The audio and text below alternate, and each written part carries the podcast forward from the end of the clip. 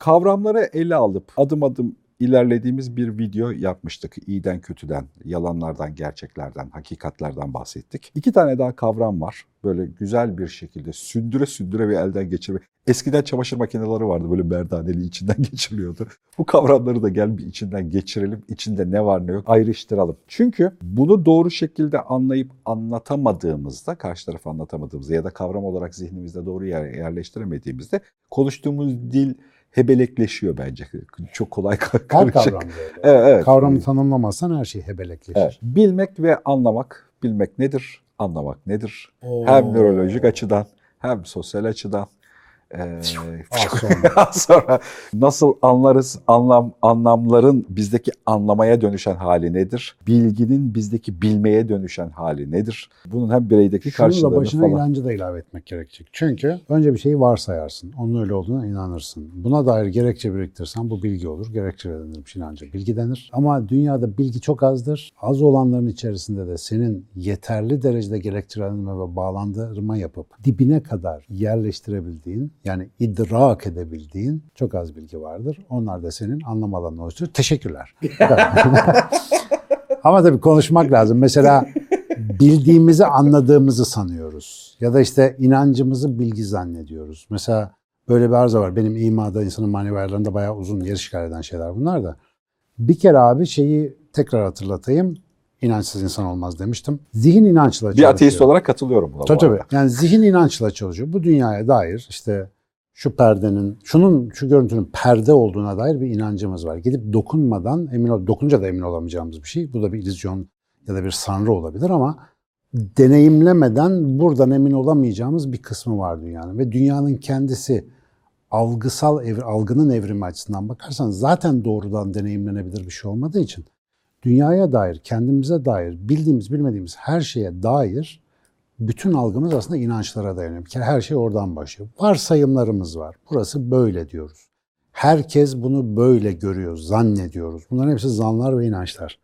Bunlardan bir kısmı birçok insan tarafından bize mesela okullarda anlatılıyor. Beş hoca geliyor, beşi de aynı şeyi söylüyor. Diyorsun ki lan bundan beşi de söylüyorsun, bu böyledir diyorsun. Ya da işte gidip laboratuvarda deniyorsun, hayatta 40 kere başına geliyor. Ee, işte bir şekilde sistem sana bunu deneyimletiyor ve artık o önceden inandığın bir şeyin zıttı ya da önceden inandığın şeyin bizzat kendisi gerekçelerle senin hayatına giriyor. Öyle çünkü şöyle şöyle şöyle gibi. Bu gerekçelendirilmiş hal artık bilgi Ölçme, oluyor. gözlem vesaire. Bilimin şey. gerekçeleri aslında. Tecrübi, burada. ampirik yani hepsi dahil. Hatta duygusal mesela devamlı bir durum karşısında hissettiğin duygu da senin için bir bilme hali. Biliyorsun ki bu beni kızdırıyor mesela. Bu, bu hoşuma gidiyor falan gibi. Bu da bir bilme hali. E, fakat mesela müziği dinliyorsun, diyelim ağlıyorsun. Tamam onu her duyduğunu. Benim var öyle birkaç tane. Ağlıyorsun ama anlamıyorsun niye ağladığını. Böyle. İçinde bir şey. Soruyorlar mesela. Ya böyle bir şey Hangisi? diyorsun. Hangi müzik? Hoş. e, Moonlight Sonata'ya dayanamıyorum mesela. Özellikle bizim Melike Hanım çalarsa evde sürekli pıtı pıtı dökülüyor. Yani orada yani kızımın büyüyüp öyle piyano çalıyor olması, o işte o be- besteyi o kadar tuşesiyle falan bir de böyle poposunun üstünde kaykılarak çalıyor olması. Bir de piyanoda öyle bir şey var ya böyle kaykılarak çalanlar vardır, kaptırır kendini. Sonra onu görmek, lan buna bizim de vesileliğimiz var falan diye araya girmek, arkadan melodiyle hayatını bir anda Avatar filminin romantik bir sahnesine çevirebiliyor. O hali deneyimliyorsun, onu biliyorsun ama anlayamayabiliyorsun. Yani anlamlandıramayabiliyorsun. Anlamak, idrak kelimesiyle de karşılıyoruz biz bunu. İdrak, dereke kelimesinden geliyor. Bir, bizdeki derece gibi. Bir şeyin dibine inmek. Yani o dip derecesine kadar gidebilmek. Kuyunun dibi falan anlamlarına geliyor. Olayın dibine varmak yani. Dibine kadar gitmek onu kavramak. Mesela kavramak kelimesini de kullanıyoruz. Ama mesela, anlama kelimesini işte İngiliz, İngilizce'de understanding, Almanya'da verstehen kelimelerinde de olduğu gibi durmak, ona konsantre olmak, onun içinde derinleşmek gibi anlamları var. Bizdeki anlamaktaki anda, bu anda durmakla alakalı bir şey.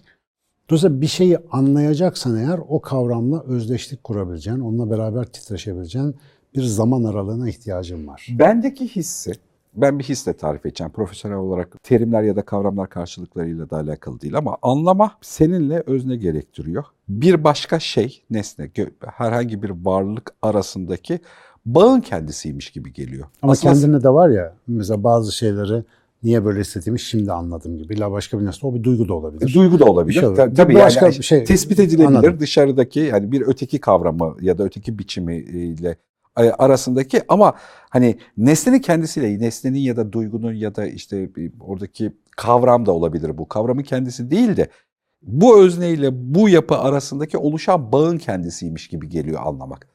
O yüzden anlamakla ilgili bir türlü tutarlı bir tuğla oluşturamıyoruz. Ama bak bilgi de bir bağlantı. Bilgi senin belleğinle onun arasında bir bağlantı. Anlamak biraz da anlamak bir kere öznel bir tarafı var. Yani ha şimdi anladım dediğin zaman ne anladın dediğinde şair burada ne demek istemiş sorusunun cevabı gibi 30 farklı anlam çıkabiliyor. Özellikle de kompleks durumlarda yani. Dolayısıyla anlamak biraz bireysel, anlamak senin içinde doğan yeni bir anlamın adı. Yani yeni bir yorumun adı aslında. Şimdi inanç, bilgi, anlam bütün bunları böyle seke seke gittiğin zaman bu arada çok keyfi tanımlar yapıyorum. Kitabısı nasıl hiç bakmadım bile bilmiyorum. Şu anda kesin bir Türkçe öğretmeni ya da felsefeci boş konuşuyor bunlar yazacaktır sağ olsun. Bülent bize yarım saat söver bu videodan sonra. Kes, da. kesin kesin adam anlamalar kitabını yazdı kardeşim. Ama bu silsileden gittiğin zaman anlam neden bizim içinde yaşadığımız gerçek dünyayı yaratan şey onu biraz daha iyi anlıyorsun. İnançlar genellikle zan, kültür, ezber ve işte bazı bizim dışımızdaki kodlardan geliyor. Bilgi kısmen kontrollü karşılaşmalardan ama seçemediğimiz maruziyetlerle alakalı. Anlamak ise bizde olan bir şey. Dolayısıyla ben anladığım zaman kendi anladığımca bu dünyaya bir anlam veriyorum. Ve anlam aslında benim yaşam alanımı yaratıyor. Anlamıyorsam yaşayacak alanım olmuyor mesela. Anlamadığım bir kavramın içinde yaşayamam, onu kullanamam. Mesela neydi bir arkadaş bir kelimeyi sürekli yanlış yerde kullanıyor. Bir de havalı felsefi bir tabir neydi o ya? Bir şey diyor ama hep o anlamda değil de başka bir anlamda kullanıyormuş. Sonra öyle deyince ha onun anlamı o muydu ben onu, onu öyle şey diyordum falan gibi. Sonra e, konuşmalarımız bayağı bir sekteye uğramaya başladı. Çünkü tam onu kullan bir dakika olmuyor ki burada falan gibi. Yani böyle günlük Ben de dilimize bu hatayı yaparım sıklıkla bu Evet, arada. hepimiz yaparız ama günlük dilimize ve kavramlarımıza bakarsan facia bence burada ortaya çıkıyor. Hemen hemen günlük yaşamda birçok insan kullandığı terim, kavram ve duygu isimlerinin çoğunun ne anlama geldiğini bilmiyor. Mesela öfke diyor, kutsal diyor, mübarek diyor, mükemmel diyor, bir şey diyor ama bayramın kutlu olsun derken bile kut ne baba? Yani bir an durup böyle bir şey, kut ne demek? Kutlu ne demek? Mesela işte falanca şey bizim için kutsaldır. Kutsal ne demek abi? Kutsal abi işte. Nedir kutsal? Ya kutsal, kutsal tertemiz demektir mesela. O kutsal dediği şey hakikaten temiz mi? Sen mi temizledin? Nesi temiz? Mesela böyle düşünmeye başladığında o temizlik işte kuddüs sıfatından gelir o. Kutsal bizde hem, hem kutsal hem mukaddes falan terimler aynı yerden. Hiç düşünmediğin zaman boş bir kutu ve bu kutuları arka arkaya dizerek ürettiğin katarların adına düşünme diyorsun. Böyle düşünme olmuyor. Düşünme anlamalar arasında Bülent, anlamalar arasında yeni dehlizler kurabilme becerisi ve kendi zihinsel izleklerini yaratabilme becerisi. Aslında oradaki de düşünme denmiyor da iletişim deniyor. Evet. İletişimde de şöyle hani bunu hep masada konuştuğumuz bir hikaye. İletişim özünde adam 15 dakika konuşuyor ya da 8 dakika konuşuyor. Arka tarafında şunu diyorsun. Tamam sen bana zarar vermeyeceksin. Anladığın şey o. Adam sana kuantum anlatıyor ya da kendi bildiği kuantum anlatıyor. İşte evrenden iste versin diyor falan yani bir şeydi.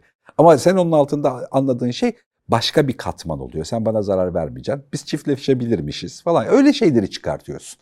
Yani iletişimin ana ana katmanı o. Gerçekten düşünme dediğinde bu kullandığın kavram dücane bunu böyle yapıyor. Çok acayip rahatsız edici oluyor da yani içindeki her tuğlayı tek tek kırıyor içine bakıyor, kırıyor içine bakıyor. Yani hani ve kırıp içine baktığında çok yorucu ama acayip kafa açıcı oluyor öyle bakınca da. Yani Zihin inşa edici bir süreç. Evet e, bir şeyde tek tek hani kavramları düzgün elden geçirdiğinde gerçekten konuşma beni çok rahatlatmasını gerektirdiği muhteşem şeffaflaşıyor. Hani konuşma ger- gerçek bir şeyini kazanıyor için. Hadi Dücane Hoca yabancı sayılmaz evdeki anekdotu anlatayım. Bir gün onu izliyorum. YouTube'dan açmışım. Bir de tabii genelde izlediğim gibi 1.25 hızda izliyorum. Çünkü yani bitmiyor muhabbet. Bir- Biraz da ağır konuştuğu için takip edebiliyorum. Annem de orada telefonda bir şeylerle uğraşıyor. Bir yarım saat falan yanımda oturdu. Muhtemelen bir şeyler yazıyor falan. Bir anda böyle tam da konunun böyle civcivli bir yerinde Ay dedi şunu değiştirdi içim daraldı vallahi dedi sabahtan beri. Şimdi ben böyle dinliyorum tamam? Annem bu tepkisi irkildim bir anda ne oluyor diye. Çünkü oraya bir sürü anlamsız laf katarı çarpıyor. Ama o söylediği şeyler beni çok ilgilendirdiği için benim içimde bir takım yeni anlamalara sebep olabiliyor.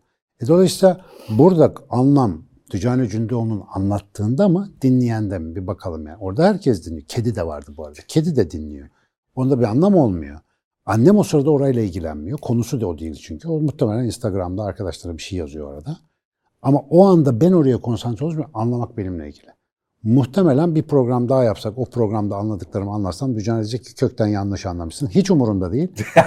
Çünkü onlar benim izleklerim. Yani benim zihnim öyle bir izlek kuruyor. Anlamayla ilgili bence önemli mesaj şu olmalı. Ben kendim de bununla çok uğraşıyorum. Bir şeyi anladığın zaman herkes onu öyle anladığını zannedersin. Bu da bir zan, inançtır. Anlamının ne kadar kişisel ve öznel bir şey olduğunu fark etmek lazım.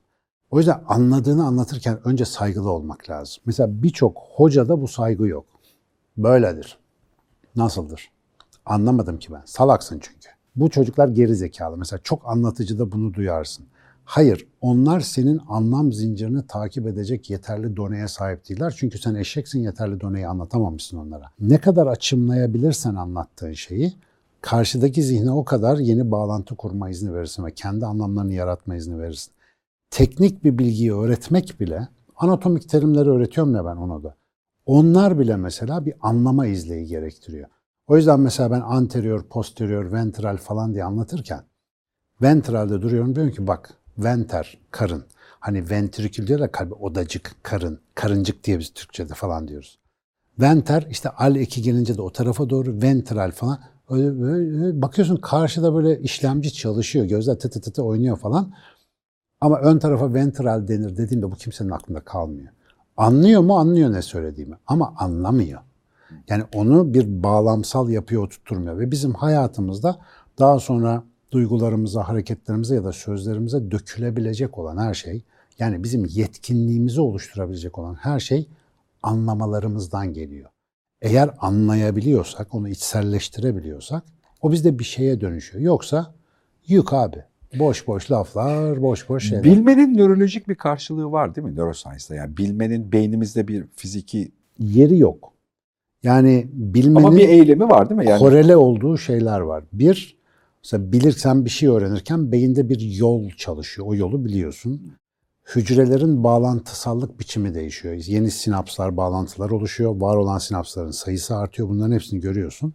Ama bir yeni müzik eseri de okurken, bir dinlerken, bir kitapta okurken, birinin güzel kızın ismini öğrenirken de hep aynı yollar çalışıyor ama bu bilgiler arasındaki farkı beyne bakarak göremiyorsun ya da onların nihai bir depolanma bölgesini söyleyemiyoruz beyinde. Muhtemelen diyoruz bütün beyinde bir örüntü olarak ama öğrenme sürecinin kendisi, edinim sürecinin kendisi beyin anatomisi ve fizyolojisindeki değişikliklere bağlı.